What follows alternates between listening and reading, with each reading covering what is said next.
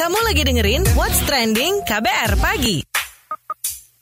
Di What's Trending KBR Pagi, tak akan ngobrolin soal rencana. Nah itu ya, rencana pemblokiran ponsel black market atau ilegal. Nah, jadi Kementerian Komunikasi dan Informatika atau Kominfo menekankan pentingnya setiap perangkat telekomunikasi yang dirakit, dijual, dan digunakan di Indonesia memenuhi persyaratan teknis agar legal digunakan.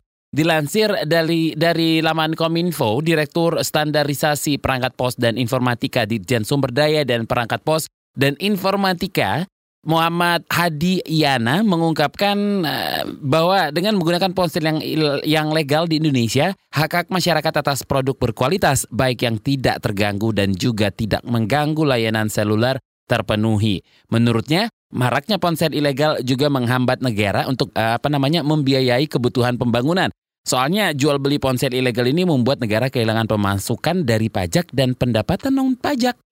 Jadi ini juga diamini ya juga diiakan oleh Direktur Industri Elektronika dan Telematika Kementerian Perindustrian atau Kemenperin Janu Suryanto. Karena itulah kata Janu, Kemenperin itu bersama dengan Kominfo dan Kementerian Perdagangan sedang mempersiapkan atau menyiapkan regulasi untuk melakukan pemblokiran ponsel ilegal atau yang dikenal dengan black market atau BM. Bukan banyak mau ya. Jadi ini ini ini targetnya uh, ditargetkan uh, bulan Agustus nanti sudah ada rules, sudah ada uh, pemblokiran ponsel ilegal ya, yang tidak boleh lagi kita pakai atau tidak boleh mungkin diperjualbelikan ya.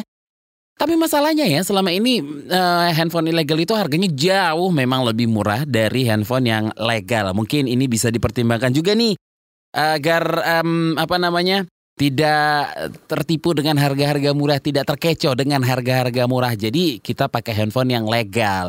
Soalnya yang legal, yang sah itu lebih enak loh, seriusan. Kamu lagi dengerin What's Trending KBR Pagi.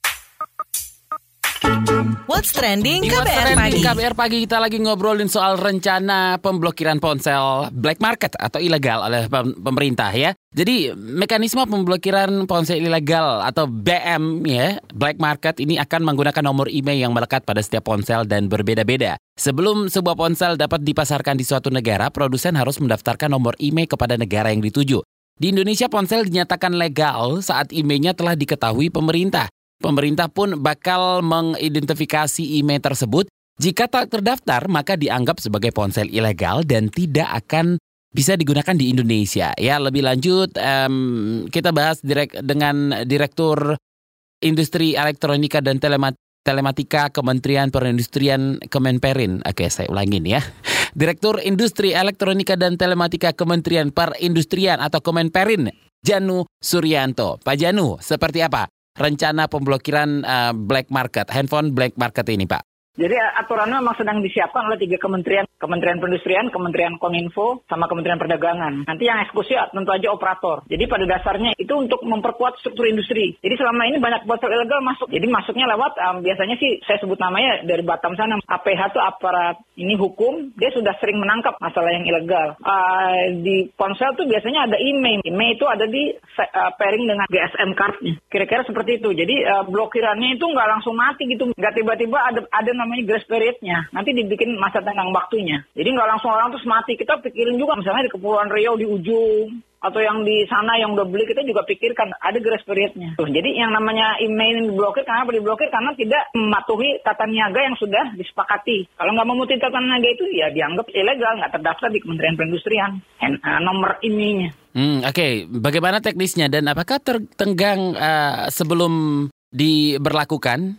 Jadi dia asli nggak bisa connect ke operator. Industri handphone kita kan bagus. Nah itu yang harus kita jaga keberlangsungan industrinya. Bayar pajak tuh negara tiap handphone. Jadi harus memenuhi KDN. Nah dia yang itu terdaftar di Kementerian Perindustrian. Kita punya database-nya. Uh, apa istilahnya? Pergantian handphone kan ke ininya cepat nih. Uh, life cycle-nya kan cepat ini handphone. Kembangan teknologinya kan cepat. Jadi diharapkan setelah aturan ini ya nanti yang ini ya apa namanya detailnya saya mau rapat lagi dengan Koninfo. Tapi kira-kira dikasih grace period lah dua tiga berapa tahunnya nanti kita kasih. Terus nanti ada yang beredar barang beredar dengan perdagangan juga gimana ininya. Jadi hati-hati nih jangan nanti timbul gejolak. Kita lakukan dengan hati-hati, nggak langsung mau nggak nggak bisa dipakai nggak gitu, nggak jangan khawatir. Oke, Memang eh, berapa banyak sih Pak peredaran ilegal di masyarakat dan kerugian yang ditaksir akibat ponsel ilegal ini? Saya nggak nggak ada detailnya, namanya juga data ilegal ya. Tapi uh, kira-kira bulan apa ya? Saya itu uh, kemar uh, waktu itu saya ada fotonya kok dengan itu penangkapan yang smuggling itu. Itu aja sampai berapa 12 itu koli apa ya? 12 truk gitu yang itu masuk ilegal dengan handphone dan ini dan notebook. Ini masuknya lewat laut. Kalau ketahuan sama aparat penegak hukum di, dijegat juga, man karena Indonesia terlalu luas kan. Nah, oke, okay, baik. Terima kasih Direktur Industri Elektronika dan Telematika Kementerian Perindustrian atau Kemenperin Janu Suyanto. Kamu lagi dengerin What's Trending KBR Pagi. What's Trending KBR Pagi. Masih bersama Don Brady dan lagi ngobrolin soal rencana pemblokiran ponsel black market. Jadi pengurus harian YLKI Sularsi dalam sebuah diskusi yang membahas soal pengendalian email menyebut bahwa uh, masyarakat juga berhak atas informasi mengenai nomor email dari penjualnya untuk memastikan legalitas produk yang akan mereka beli. Sementara itu Ketua Yayasan Lembaga Konsumen Indonesia YLKI Tulus Abadi menilai kehadiran barang black market merupakan bentuk kegagalan pemerintah mengawasi peredaran barang yang masuk ke Indonesia. Lebih lanjutnya lagi kita akan bicarakan bersama Ketua Yayasan Lembaga Konsumen Indonesia YLKI Tulus Abadi. Mas Tulus, bagaimana YLKI memandang rencana pemblokiran ponsel black market ini, Mas? Pertama, saya kira pemerintah harus mendefinisikan secara clear tentang apa itu definisi black market. Ya, jangan sampai nanti kita membeli handphone katakanlah dari luar negeri yang kemudian kita bawa ke Indonesia karena tidak melalui proses di via cukai dan lain sebagainya dinyatakan sebagai black market padahal itu uh, apa ilegal eh, atau ilegal gitu ya. Jadi saya kira harus hati-hati mendefinisikan black market itu seperti apa. Nah yang kita pahami black market itu kalau handphone itu dimasukkan untuk kemudian dijual secara ilegal tanpa proses pajak dan segala macam. Nah kalau itu memang YLKI tidak merekomendasikan terhadap handphone yang black market itu. Karena ketika kita beli handphone black market itu kan secara umum jaminan terhadap pelindungan konsumennya lemah. Maksimal hanya jaminan toko. Jaminan toko di mana kalau ada kerusakan, jaminan toko hanya sekitar satu minggu atau dua minggu atau malah kurang. Yang kemudian itu sangat lemah bagi konsumen untuk memberikan perlindungan kalau terjadi apa-apa. Sementara di dalam regulasi teknis kita, di dalam peraturan tertib perdagangan itu jaminan toko sudah dilarang. Jaminan harus dari pabrikan. Hmm, Oke, okay. seberapa besarkah penggunaan ponsel black market di masyarakat, Mas?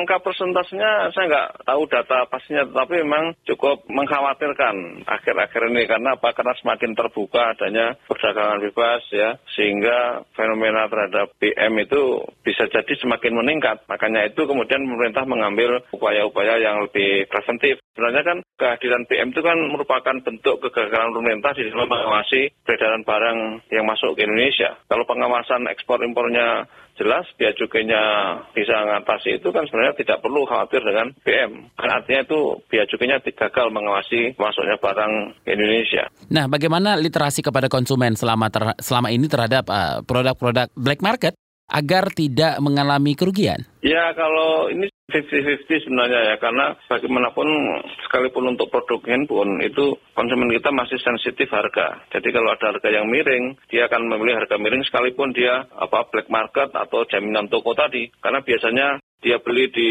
Batam atau beli di daerah-daerah yang beririsan dengan Singapura atau Malaysia sehingga dia bisa mendapatkan itu lebih mudah. Jadi tetapi intinya kita minta untuk tidak gegabah konsumen membeli barang yang black market itu. Oke, terima kasih Ketua Yayasan Lembaga Konsumen Indonesia atau YLKI Tulus Abadi. Nah, dari tadi kita nyebutin email-email, nomor email ya. Jadi kode email ini sendiri merupakan singkatan dari International Mobile Equipment Identity. Seperti namanya, kode tersebut adalah identitas unik dari perangkat handphone secara internasional ya. Ponsel terbaru itu biasanya berjumlah 16 digit. Fungsi utamanya dibuat kode email ini adalah identifikasi ponsel. Dan biasanya itu ada di uh, badan handphone sendiri atau biasanya di balik baterai atau di bagian mananya saya lupa dan bisa dicek juga langsung di handphonenya dan juga tertera di kotak handphonenya. Eh, jadi itu harus sama. Kira-kira seperti itu ya. Dan nanti kita akan dengerin apa kata Miss KBR soal perkara email ini. Tapi habis yang ini ya. Kamu lagi dengerin What's Trending KBR Pagi. What's Trending KBR Pagi. Ini dia Miss KBR. Hey, kalau semisal perhatian Anda, Anda, dan Anda sekalian itu nggak cuman pada perkara pilpres. Mungkin nih ya pada sempat baca perkara HP alias telepon genggam black market yang bakal diblokir. Uh, itu sebenarnya udah sempat muncul sih wacananya awal tahun ini. Eh, apa udah dari tahun kemarin ya? By the way, anyway Baswe, kapan itu kan Miss KBR sempat baca juga kan kalau sesungguhnya ponsel BM itu mencapai 20% dari total penjualan perangkat pintar di tahun lalu. Artinya, satu dari lima ponsel yang dijual di mari alias di dalam negeri itu adalah ponsel selundupan. Lebih murah ya, Wak? Oh, mungkin karena itu kali ya, blokir memblokir HP BM itu bakal dilakukan. Nah, Kominfo bakal memperlakukan aturan yang dinamain IMEI alias International Mobile Equipment Identity pada Agustus depan. Jadi, nanti itu operator telekomunikasi bisa blokir ponsel kalau IMEI-nya itu nggak terdaftar alias ponsel ilegal. Dan itu handphone nggak bakal bisa dipakai meskipun ganti operator atau SIM card. Ponsel tetap nggak bisa dipakai meskipun ganti operator karena tiap operator akan ngecek legalitas IMEI ponselnya itu. Lah, gimana nih? Kan ponsel Miss KBR yang ini ono mereknya, nggak semuanya beli di toko resmi. Ada juga sih yang beli di teman atau toko lain. Kabarnya sih nggak usah khawatir kalau handphone bakal mati. Blokir memblokir itu nggak langsung atau serta merta gitu diberlakukan untuk pengguna ponsel ilegal alias BM. Jadi, buat yang punya ponsel ilegal itu nggak bakal kehilangan layanan telekomunikasinya. Alhamdulillah. Itu dia tadi komentar dari Miss KBR. Mau tahu besok Miss KBR bakal komentar apa lagi? Tungguin cuma di KBR Pagi. What's trending KBR pagi. Saya Don Brady pamit. Besok ketemu lagi ya. Bye-bye. Terima kasih ya sudah dengerin What's Trending KBR pagi.